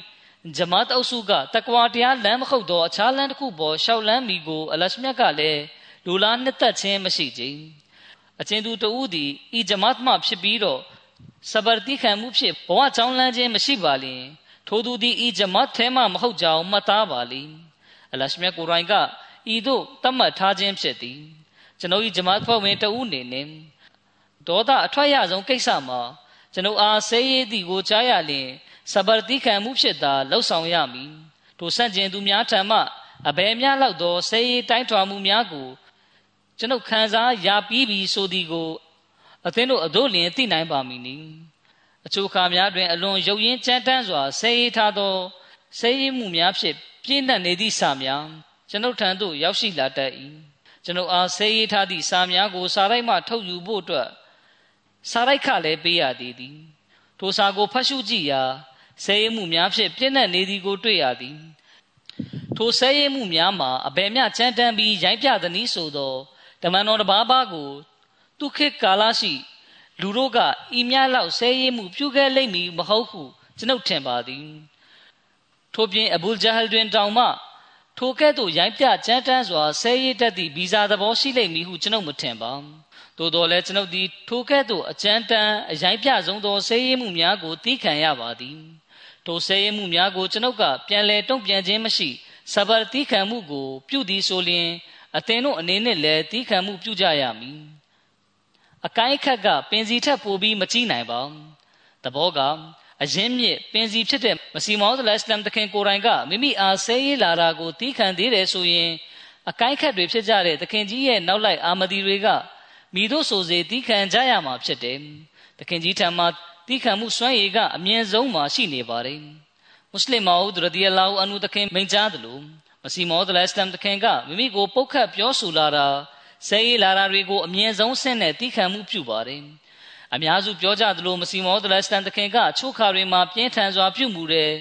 တခင်ကြီးရဲ့ရေးသားချက်တွေမှာခတ်ထန်မှုနဲ့လက်စားချေမှုကို တွေးရတယ်ဆိုရင် ဒါကလူတွေကိုပြုပြင်တက်မှတ်ဖို့အတွက်ဖြစ်ပါတယ်ဒီလိုပြုလုပ်ခွင့်ကိုလည်းလက်ရှမြတ်ကတခင်ကြီးကိုပေးထားတာဖြစ်ပါတယ်လူတိုင်းဒါမျိုးလုပ်ဖို့အခွင့်အရေးမရှိပါဘူးအကယ်၍ဒါမျိုးပြင်းထန်စွာပြုမှုဖို့လူတိုင်းမှာအခွင့်အရေးမရှိဘူးဆိုရင်ဒါတော့မှပဲခက်ခဲချမ်းတက်မှုကိုလက်ကင်ပြုပြီးလှုပ်ဆောင်ပဲပြောဆိုမယ်ဆိုရင်ဒါကလူတွေကိုပြုပြင်တက်မှတ်ရာမရောက်ပဲပြဿနာဖန်တီးခြင်းပြဿနာဖြန့်ချီခြင်းနဲ့ပြဿနာကိုပုံမတိုးမြင့်ရာရောက်သွားစေပါတယ် ဒီနောက်မစီမောဒလအစ္စလမ်တခင်မိန့်ကြားပါတယ်၎င်းတို့သည်မိသည့်အချိန်ထိတိုင်ဆဲရေးနိုင်ကြမည်နီနောက်ဆုံးတွင်၎င်းတို့သည်ဆဲရင်းနှင့်မောပန်ပြီးခြေကုံလက်ပန်းကျသွားကြလိမ့်မည်၎င်းတို့၏ဆဲရေးမှုများစိုးသွမ်းအကောက်ကြံမှုများကကျွန်ုပ်အားမောပန်းအောင်စိတ်ဓာတ်ကျအောင်မလုပ်နိုင်ကြအကယ်၍ကျွန်ုပ်သည်အလရှမြတ်ထံမှလာရောက်သူအမှန်မဟုတ်လျင်၎င်းတို့၏ဆဲရေးမှုကြောင့်ကျွန်ုပ်ကြောက်ရွံ့သွားပါလိမ့်မည် သို့သောကျွန်ုပ်အားအလရှမြတ်ကဆေလွတ်တော်မူကြောင်းကျွန်ုပ်အခိုင်အမာသိရှိနားလည်ပါသည်သို့ဆိုလျင်ကျွန်ုပ်ကအဘဲကြောင့်ထိုကဲ့သို့ဆဲရေးမှုများကိုဂယုစိုက်ရပါမည်နီ၎င်းတို့၏ဆဲရေးမှုများကမိသူကို ထိခိုက်နစ်နာစေကြောင်းအသင်တို့ကိုယ်တိုင်စဉ်းစားကြည့်ကြကုန်၎င်းတို့ကိုယ်တိုင်ကို ထိခိုက်နစ်နာစေသလိုကျွန်ုပ်ကိုထိခိုက်နစ်နာစေပါသလို၎င်းတို့၏အုပ်စုကနေပါလာလျက်ရှိပြီးကျွန်ုပ်၏ဂျမတ်အုပ်စုကတစတစတိုးပွားလာလျက်ရှိသည် ကျွန်ုပ်ကိုလက်ခံလာသူများမှာထိုဆဲရေးသူများအနက်မှပင် မဟုတ်ပါလို့အကယ်၍ထိုဆဲရေးမှုများကတစုံတရာအဟံတားပြုနိုင်သည်ဆိုလျှင်ကျွန်ုပ်၏ဂျမတ်ဖွဲ့ဝင်အရေးတွက်မှာလူဦးရေနှစ်သိန်းမိတို့ဖြစ်လာမည်နီကလီဗာတခင်ကြီးမိန့်ကြားပါတယ်မစီမောဇလစတမ်တခင်မိန့်ကြားနေတဲ့အချိန်ကဂျမတ်ဖွဲ့ဝင်လူဦးရေကနှစ်သိန်းရှိပါတယ်ယခုချိန်မှာတော့အလရှမေဖဇလ်ကျေးဇူးတော်နဲ့ကမ္ဘာနိုင်ငံတီးတီးမှာတခင်ကြီးရဲ့သတင်းစကားကရောက်ရှိခဲ့ပြီဖြစ်ပြီး ဂျမတ်တည်တံ့ခဲ့ပြီဖြစ်တယ်ဒီလိုကမ္ဘာနိုင်ငံတီးတီးမှာဂျမတ်ပြန့်နှံ့သွားခြင်းကစန့်ကျင်ဘက်ရန်သူတွေရဲ့စန့်ကျင်မှုတွေကိုပြန်လည်တိုက်ခိုက်တုံ့ပြန်မှုကြောင့်ပြန့်နှံ့ခဲ့တာပါလားမဟုတ်ပါဘူးတကယ်တော့ဒါဟာဆွန့်လွတ်အနစ်နာခံမှုတွေစဘာတိခံမြဲမြံမှုတွေနဲ့ဒဝါဆူတောင်းမှုတွေရဲ့ရလဒ်ပဲဖြစ်ပါတယ်ဒီတော့ဒီလိုကြီးမားတဲ့ရည်ရွယ်ချက်ကြီးကျယ်ခမ်းနားတဲ့ရည်မှန်းချက်ပန်းနိုင်ကိုရောက်ရှိဖို့အတွက်ကျွန်တော်တို့အနေနဲ့အမြဲတမ်းစဘာတိခံမှုကို ထုတ်ဖော်ပြသလျက်နေရမှာဖြစ်ပါတယ်ဒီနောက်တစ်ဖန်မစီမောဒလိုင်စလမ်တခင်မိန့်ကြားပါတယ်ကျွန်ုပ်အားလက်ခံလာကြသူများသည်ဆန့်ကျင်သူများထဲကပင် လာရောက်ကြခြင်းဖြစ်ပြီးအခြားမှလာရောက်ခြင်းပါလို့၎င်းတို့သည်ကျွန်ုပ်အားကာဖာဟူ၍ဖတ်တဝါဓမ္မတ်ထုတ်ပြန်ကြသည်သို့သောထို့သောကာဖာဖတ်တဝါပေးခြင်းကြောင့်မိတို့သောဆုံးရှုံးထိခိုက်မှုဖြစ်ခဲ့ပါသည်ဂျမတ်ကတိုးတက်ထွန်းကားလာခဲ့သည်ကြီးထွားလာခဲ့သည် ဤဂျမတ်ကိုလူသား၏အကြံစီဖြင့်တီထောင်ထားခြင်းဖြစ်ပါမူထိုဖတ်တဝါကအကျိုးသက်ရောက်မှုရှိပေလိမ့်မည်ကျွန်ုပ်လျှောက်သောလမ်းတွင်ထိုကာဖာဖတ်တဝါကအလွန်ကြီးမားသောအဟံတားဖြစ်ပေလိမ့်မည်သို့သောအလရှမြတ်ဘက်ကဖြစ်သောကိစ္စတစ်ခုကိုဟန်တားနိုင်ရအောင် လူသားတွင်စွမ်းအားမရှိပါကြီးကျွန်ုပ်အားဆန့်ကျင်ဘက်ရန်သူတို့ပြုသောကြံစည်မှုများအားလုံးကိုသိရှိနားလည်ကြသူတို့ဖို့ဝမ်းနည်းစိတ်ပြတ်ယုံမှတပါအခြားမရှိကြ ကျွန်ုပ်ပွင့်လင်းထင်ရှားစွာပြောလိုပါသည်ကျွန်ုပ်အားဆန့်ကျင်သူတို့၏ဥပမာဒီကအရှင်အဟုန်ပြင်းစွာ စီးစင်းသောမြစ်ရည်စည်းရှိတွင်မိမိတို့လက်ဖြင့်ဟန်တားတကဲ့သို့ဖြစ်သည်၎င်းတို့ကလက်ဖြင့်ကာလီရဲ့ထိုမြစ်ရေကိုတားဆီးလိုကြသည်ထို့သောတားဆီးုံဖြင့်ရေကရက်တန့်သွားပါမည်လို့မိသည့်အခါမျှရက်တန့်နိုင်မည်မဟုတ်ချေထိုနည်းတူကျွန်ုပ်အားဆန့်ကျင်သူတို့ကလည်းမိမိတို့၏ဆဲရဲမှုများ ဆန့်ကျင်မှုများဖြင့်ကျွန်ုပ်အားဟန်တားလိုကြခြင်းဖြစ်၏သို့တော်မှတ်သားထားကြကုန်ကျွန်ုပ်အားမိသည့်အခါမျှရက်တန့်နိုင်လိမ့်မည်မဟုတ်ချေဆဲရဲတိုင်းထွာခြင်းမှာမွန်မြတ်သူတို့၏လှုပ်ဆောင်ချက်ပါလုံးကျွန်ုပ်သည်ထိုမွတ်စလင်တို့အတွက်ဝမ်းနည်းရပါ၏၎င်းတို့သည်မိမိတို့သောမွတ်စလင်များပါနီ၎င်းတို့သည်ကြောက်စိတ်မရှိနှုတ်ပါဆက်ကိုဖွင့်ဟကြသည်ပါကစ္စတန်နိုင်ငံမှာဆိုရင်အဖွယ်ကောင်းတဲ့ဆဲရေးမှုတွေကိုပြုကြပါတယ် ကျွန်ုပ်ဒီထိုမွတ်စလင်ဆိုသူတို့ဆဲသောညဉ့်ညမ်းသည့်ဆဲရေးမှုများကိုစိုးရုပ်သောတခိုးဓမြများထံမှပင်မချားဘူးပါကြီး၎င်းတို့သည်မိမိတို့၏ဆဲရေးမှုများဖြင့်မိမိတို့အဘယ်မျှနှိမ့်ချကြောင်းအဘယ်မျှရိုင်းဆိုင်ကြောင်းထုတ်ဖော်ပြသလိုက်ခြင်းဖြစ်သည်၎င်းတို့သည်ပုံကံတောင်းညမ်းသူများနှင့်စိုးသွမ်းရုပ်မာသူများဖြစ်ကြောင်းမိမိတို့၏ဆဲရင်းမှုများနှင့်လှုပ်ဆောင်ချက်များဖြင့်ဖော်ထုတ်ပြသလိုက်ကြ၏ အလရှမြတ်၎င်းတို့အားမျက်စိဖွင့်ပေးတော်မူပြီး၎င်းတို့ပေါ်တနာကျင်နာတော်မူပါစေထို့သောဆဲရည်သူအရေးအတွက်မှာလူဦးရေတကရေရှိလင်ကစားအလရှမြတ်ကိုအနှဲငယ်မြပင်ဆုံးရှုံးနေတာအောင်မလုပ်နိုင်ကြ၎င်းတို့ကကျွန်ုပ်အားငွေကုန်ကြေးချခံကာစာရိုက်မှဆဲရေးထားသောစာများကိုထည့်ကြသည်ယင်းအဖြစ်၎င်းတို့သည်ပတ်စံလဲကုန်ပြီဖြစ်သလို၎င်းတို့၏အကျင့်မူစရင်ကလည်းမဲညစ်သွားပေသည်၎ င်းတို့အတွက်မိသည့်ဘက်ကကြည့်ကြည့်အရှုံးသာရှိသည်ဖြစ်ရာ၎င်းတို့အဘဲကြောင့်ကျွန်ုပ်အားဆဲရေးကြရသည်ကိုကျွန်ုပ်ဖြစ်နားမလည်နိုင်အောင်ဖြစ်ရပါသည်ကျွန်ုပ်ကဂျမ်းမြတ်ကုရ်အန်ဖတ်ရခြင်းကိုဆွန့်လွတ်လိုက်ကြကုန်ဟုပြောနေပါ၍လုံးတမန်တော်မြတ်ဆလလောလဟ်အလัยဟ်အားညင်ပယ်ကြကုန်ဟု၍ပြောနေပါ၍လုံးဂျမ်းမြတ်ကုရ်အန်တွင်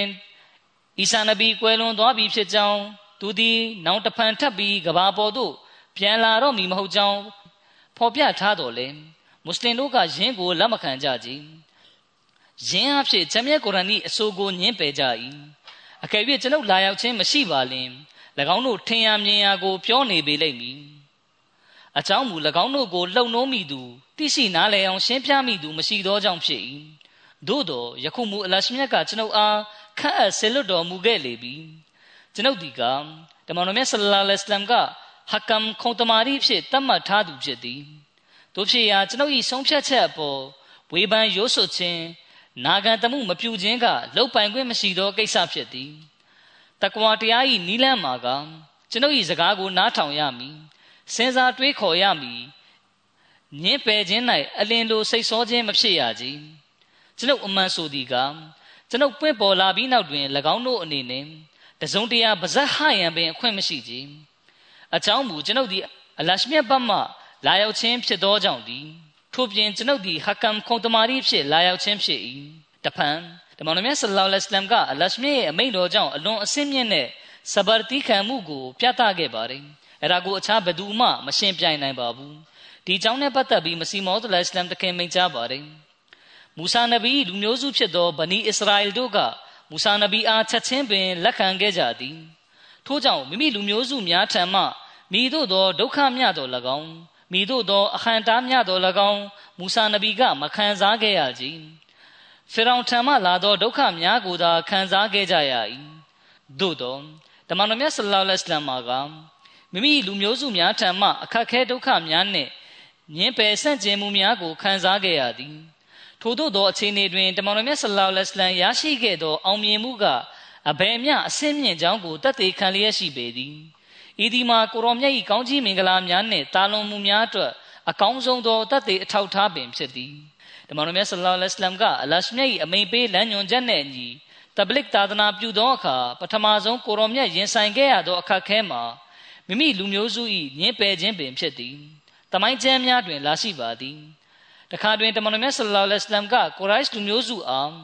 သာသနာသတင်းစကားပါရန်ဖိတ်ကြားလိုက်သည် လူတွေစုယုံလာကြသောအခါတမန်တော်မြတ်ဆလ္လာလဟ်အလัยဟ်ကကျွန်ုပ်အသင်တို့အားမေးလိုပါသည်ဤတောင်တန်း၏နောက်တွင်အလွန်ကြီးမားသောစစ်တပ်ကြီးတစ်ခုပုံကွယ်လျက်ရှိပြီးအခွင့်အရေးရသည်နှင့်အသင်တို့အားတိုက်ခိုက်တပ်ဖြတ်ရန်စောင့်ဆိုင်နေကြကြောင်းကျွန်ုပ်ကပြောလျင်အသင်တို့ယုံကြည်ကြမည်လောဟုမေးလေ၏ထိုအခါအားလုံးတို့ကမလွဲမသွေယုံကြည်လက်ခံကြပါမည်အဘဲကြောင့်ဆိုသောအသင်သည်အမြဲတမ်းအမှန်ကိုသာပြောလေရှိသည့်တစ္ဆာဝါဒီဖြစ်သောကြောင့်ပင်ဟုအဖြေပေးကြလေသည် ထိုနောက်တွင်ကိုရောမြတ်ကဒိုးဆိုလျင်နားထောင်ကြကျွန်ုပ်သည်ဖျားသခင်ထံမှပွင့်ပေါ်ကြွားမြန်းလာသည့်တမန်တော်ဖြစ်၏အသင်တို့အားလာရောက်တော်မူဖြစ်တံမှသတိပေးနှိုးဆော်ပါသည်ဟုပြောလေသည်ထို့သောပြောလိုက်သည်နှင့်လူအလုံးတို့သည်ကိုရောအားညှင်းပယ်ကြသည်၎င်းတို့အနက်မှစိုးသွမ်းသူတဦးကဆိုလျင်အသင်ပျက်စီးပါစေဟုပင်ချိန်ဆခဲ့သည်ဝမ်းနဲ့ဖွယ်ကောင်းလေစွာ၎င်းတို့ကဲတင်လွတ်မြောက်မှုရရှိရန်နှင့် ကောင်းစားရေးအတွက်ပြောသောစကားကိုပင် ထိုလူမျိုးစုက မကောင်းမြင်ခဲ့ကြ၏ရန်ပြုဆန့်ကျင်ဖို့အသင့်ဖြစ်ခဲ့ကြသည်ယင်းနှင့်ရှင်လေးရဲ့မူဆာနဗီလူမျိုးစုကိုကြည့်ပါဗနီအစ္စရာအီလူမျိုးစုသည်နှလုံးသားမာကျောသောလူမျိုးဖြစ်တော်လဲမူဆာနဗီသာသနာပြုမှုကိုကြားရလျင်ချက်ချင်းပင်လက်ခံခဲ့ကြသည်မူဆာနဗီလူမျိုးစုကတော့မူဆာနဗီကိုလက်ခံခဲ့ကြသည်သို့တော်မူဆာနဗီထပ်ပင်ပုံမအစင်းမြင့်သည့်တမန်တော်ဖြစ်သော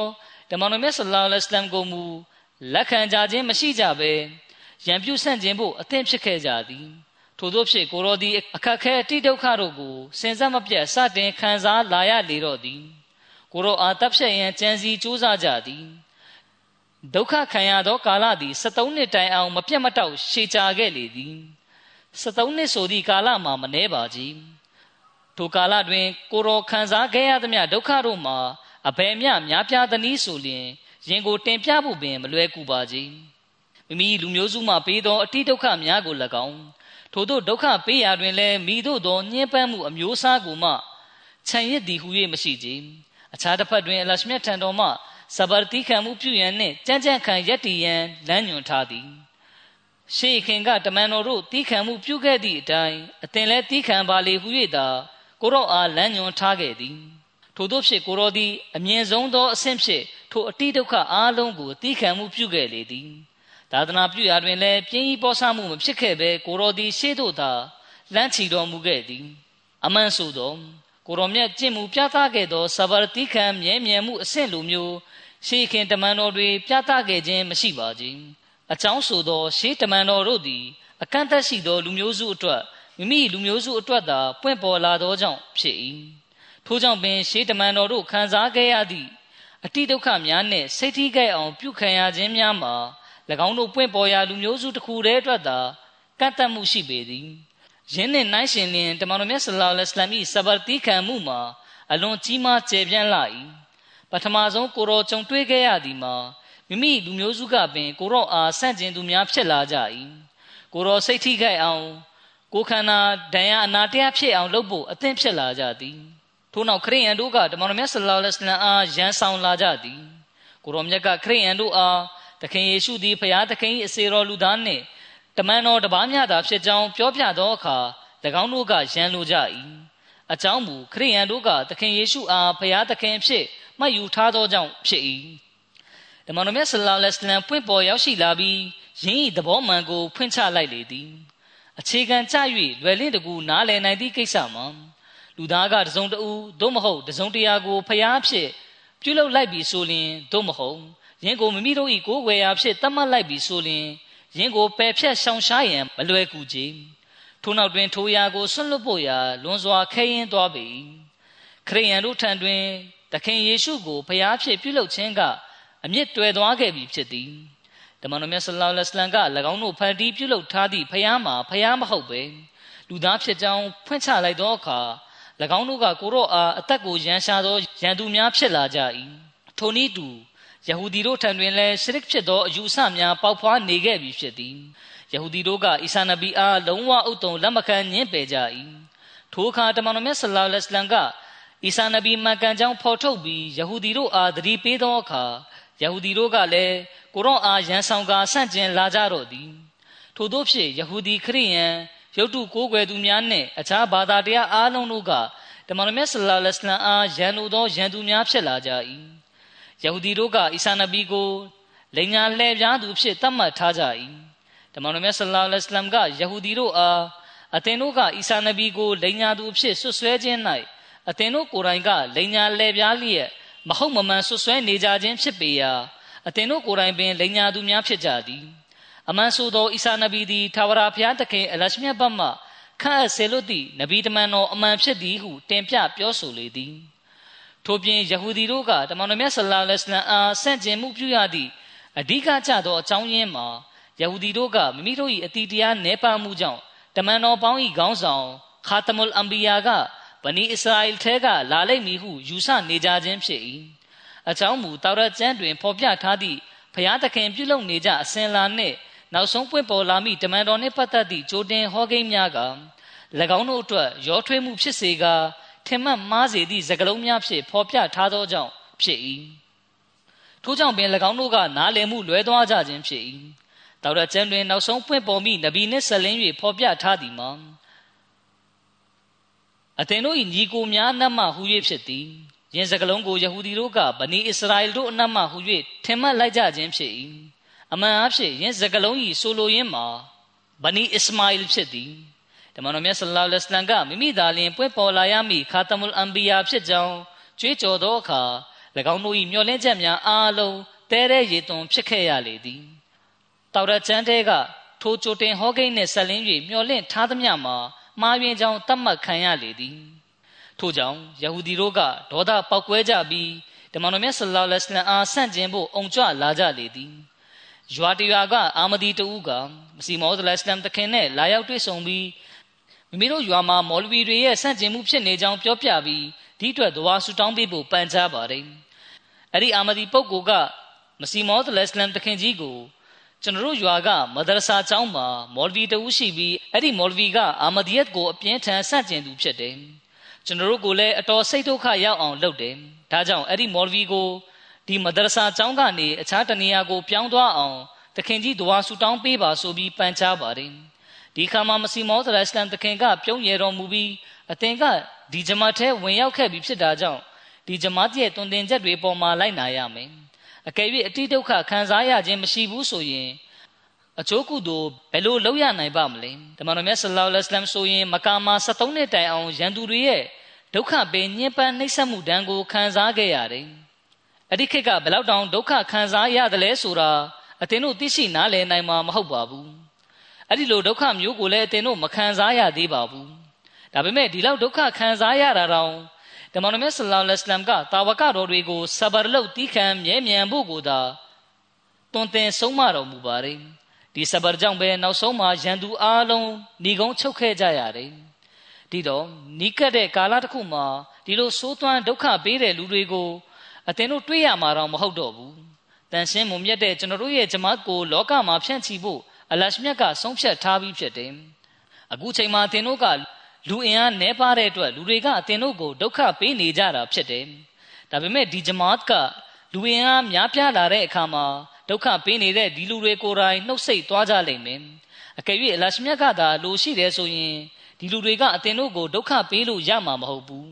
ဒုက္ခပေးမဲ့လူတွေဆိုတာလည်းဖြစ်လာမှာမဟုတ်ဘူးတကယ်ကအလရှမြတ်ဟာဒီလိုဒုက္ခပေးညှင်းပန်းတဲ့လူတွေကိုအကြောင်းခံပြီး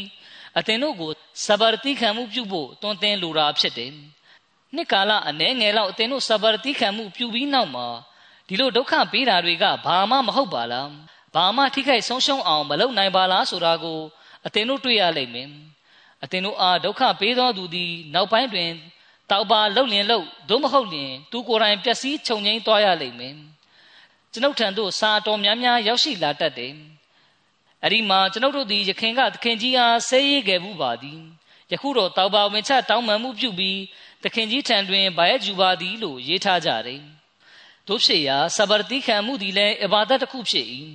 အလရှမြတ်မိန့်ကြားတော်မူသည်မှာဆဘာတိခံမှုပြုကြသူတို့အတွက်အတိုင်းစားမရှိချီးမြှင့်ပေးသနာခြင်းကိုခံရမည် ထိုကဲ့သို့အကန့်အသတ်မရှိချီးမြှင့်ပေးကမ်းခြင်းခံရမည့်ဆုလတ်မှာတိခံမှုပြုကြသူတို့အတွက်သာဖြစ်သည်အခြားသောအဘာဒတ်များအတွက်ဤကဲ့သို့ဂရိပြုထားခြင်းမရှိပါကြ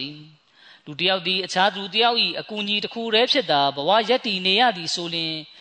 အကယ်၍ထိုကူညီထောက်ပံ့ခြင်းခံရသူကဒုက္ခရောက်သောအခါ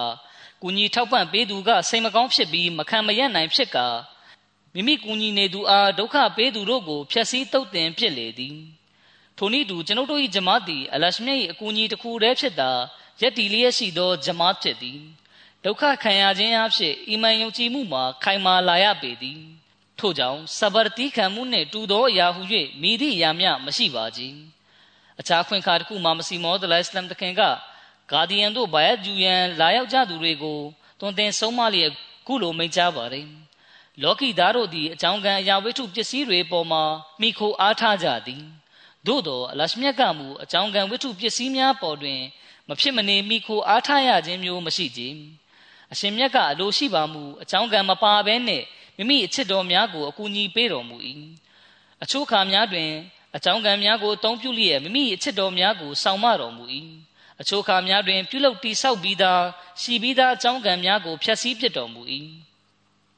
တို့ဖြစ်ရာအသင်တို့အနေနဲ့မိမိတို့၏အကျင့်မူများကိုတန်ရှင်းစင်ကြယ်အောင်ပြုလုပ်ကြကုန် မုံမြတ်တင့်တယ်အောင်ပြုလုပ်ကြကုန်အလရှမြတ်ကိုအမြဲတမ်းတရိယာတတလျက်နေကြကုန်တတိမမူမေလျော်ပေါ့တန်ခြင်းမပြုကြကုန်လင်ပြေးလွှားနေသောတောကောင်သည်တတိမမူပေါ့ဆမီဆိုလျင်မုတ်ဆိုး၏လက်တွင်ဖမ်းမိတတ်သည်မဟုတ်လောထိုနည်းတူအလရှမြတ်အားတရိယာတတခြင်းမရှိသူအရှင်အာဒရိယဖို့အတွက်မေးလျော့နေသူသည်လည်းရှိုက်တန်ဤသားကောင်ဖြစ်ရလေသည်တောက်ပါပြုလုပ်ကြကုန်တောက်ပါပြုလုပ်ခြင်းကိုအမြဲတမ်းရှင်တန်အောင်ထားကြကုန် မိသည့်ခါတွင်မျှတောက်ပါဝင်ချတောင်းပန်ခြင်းအကျင့်ကိုတေဆုံးသွားအောင်မလုပ်ကြနှင့်တောက်ပါမလုပ်ဘဲနေတာမျိုးမလုပ်ကြနှင့်အကြောင်းဆိုသောလူသားသည်မိမိကိုယ်ခန္ဓာစိတ်ပိုင်းများနှင့်များစွာအသုံးပြုသောကိုယ်ရင်ကာစိတ်ပိုင်းကပုံမအစွမ်းထက်လေးရှိပြီးအသုံးပြုလေးမရှိသောကိုယ်ရင်ကာစိတ်ပိုင်းကလုံးဝအသုံးမဝင်ဖြစ်တတ်သောကြောင့်ဖြစ်၏ထိုနည်းတူတောက်ပါကိုလည်းအမြဲတမ်းကျင်သားရအောင်အသုံးပြုလျက်နေရမည်တို့ဖြင့် တောက်ပါသည်အတုံးမဝင်တော့ဘဲအချီးနှီးမဖြစ်သွားစေရန်ဖြစ်၏အကယ်၍သင်တို့သည်စစ်မှန်သောတောက်ပါဝင်ချတောင်းပန်ခြင်းမပြုဘူးဆိုလျှင်ကြောက်ခဲပေါ်တွင်စိုက်သောမျိုးစေ့ကဲ့သို့ဖြစ်လိမ့်မည်အကယ်၍စစ်မှန်သောတောက်ပါဖြစ်မည်ဆိုလျှင်မြေစီမြေလွှာကောင်းသောမြေပြင်တွင်စိုက်သည့်မျိုးစေ့ကဲ့သို့ဖြစ်လိမ့်မည်ထို့နောက်အချိန်တန်လျင်မလွဲမသွေအသီးသီးပေလိမ့်မည်ယနေ့ခေတ်ကာလတွင်တောက်ပါပြုလုပ်ရသည်မှာအလွန်ခက်ခဲလျက်ရှိပေသည် အသင်တို့သည်ဤနေရာမှပြန်ပြီးမိမိတို့နေရက်သို့ပြန်ရောက်လျင်အသင်တို့အားပုတ်ခတ်သောအာမနာပစကားများကိုများစွာကြားရလိမ့်မည်အသင်တို့သည်သာသနာပေါင်းပြင်ရောက်သွားသူမယုံကြည်တွေ့ဖြစ်သူဒဂျာထံတွင်ဘာယကျူလိုက်ပြီဟုလူတို့ပြောဆိုပုတ်ခတ်ကြလိမ့်မည်ထိုကဲ့သို့ပုတ်ခတ်ဆွဆွဲပြောဆိုသူများ၏စကားများကြောင့်အသင်တို့၏စိတ်တွင်ခတ်ထန်မှုဒေါသထွက်တာမျိုးမဖြစ်စေနှင့်ကျွန်ုပ်ဒီစဘာတိခံခြင်းတရားကိုတင်ပြရန် ခန္ဒီတရားကို ဖြည့်ဆည်းရန်အလရှမြတ်ထံမှဆေလိုချင်းခံရ၏ထို့ကြောင့်အသင်တို့အနေနဲ့အသင်တို့အားပုတ်ခတ်ပြောဆိုသူများဒုက္ခပေးသူများအတွက်သူတို့လည်းလမ်းမှန်ရအောင်တဝါဆူတောင်းပေးရမည်ခလီဖာသခင်ကြီးမိန့်ကြားပါတယ်ဒီတော့ကျွန်တော်တို့အနေနဲ့မစီမောသလိုင်စလမ်သခင်ရဲ့ဒီသွန်သင်ချက်တွေကိုအမြဲတမ်းမှတ်သားထားဖို့လိုပါတယ်မစီမောသလိုင်စလမ်သခင်ဆေလိုချင်းခံရတာကိုဆဗာတိခံခြင်းကိုကျင့်သုံးတိဆောက်ရန်အတွက်ပဲဖြစ်ပါတယ်ဒါကြောင့် ကျွန်တော်တို့အနေနဲ့ကလည်းသခင်ကြီးတိုင်းဖွားချေထက်နောက်လိုက်နာခံမှသာကျွန်တော်တို့အောင်မြင်နိုင်ပါလိမ့်မယ်မစီမောဒလိုင်စလမ်တခင်မိန့်ကြားပါတယ်ကျွန်ုပ်တို့အနိုင်ရရှိရန်အတွက်လက်နက်မှာကအစ္စတစ်ဖာဖတ်ယူခြင်းတောက်ပါလုပ်ခြင်းသာသနာအသိပညာတွေကိုတတ်မြောက်ခြင်းအလရှမြတ်၏ကြီးကျယ်ထွတ်မြတ်မှုကိုမျက်မှောက်ပြုခြင်းငါးချိန်နမတ်ကိုဝတ်ပြုခြင်းစသည်တို့ဖြစ်သည်အဲ့ဒီလိုမဟုတ်ဘဲမိမိတို့ကိုတိုက်ခိုက်လာသူအား သူတို့နီးတူပြန်လဲတုံ့ပြန်တိုက်ခိုက်ရမယ်လို့သခင်ကြီးကမတွန်တင်ထားပါဘူးနမတ်ဒီဒဝါဆူတောင်းမှုပြေဝစေဖို့ရာတော့ချက်ဖြစ်သည်အသင်တို့နမတ်ပြုပြီးဆိုရင်ဒဝါဆူတောင်းကြကုန်ပေါ့ဆခြင်းမပြုကြနဲ့အလရှမြတ်ပေါ်ဖြည့်စည်းအပ်သောတောင်းဝင်နှင့်ဆက်ဆိုင်သည့်ကိစ္စဖြစ်စေဘဝတူလူသားချင်းပေါ်ဖြည့်စည်းရမည့်တောင်းဝင်နှင့်ဆက်ဆိုင်သောကိစ္စဖြစ်စေမကောင်းမှုအဖြစ်တူးစရိုက်အလုံးစုံမှရှောင်ကျဉ်ကြကုန်ခလီဖာသခင်ကြီးမိန့်ကြားပါတယ်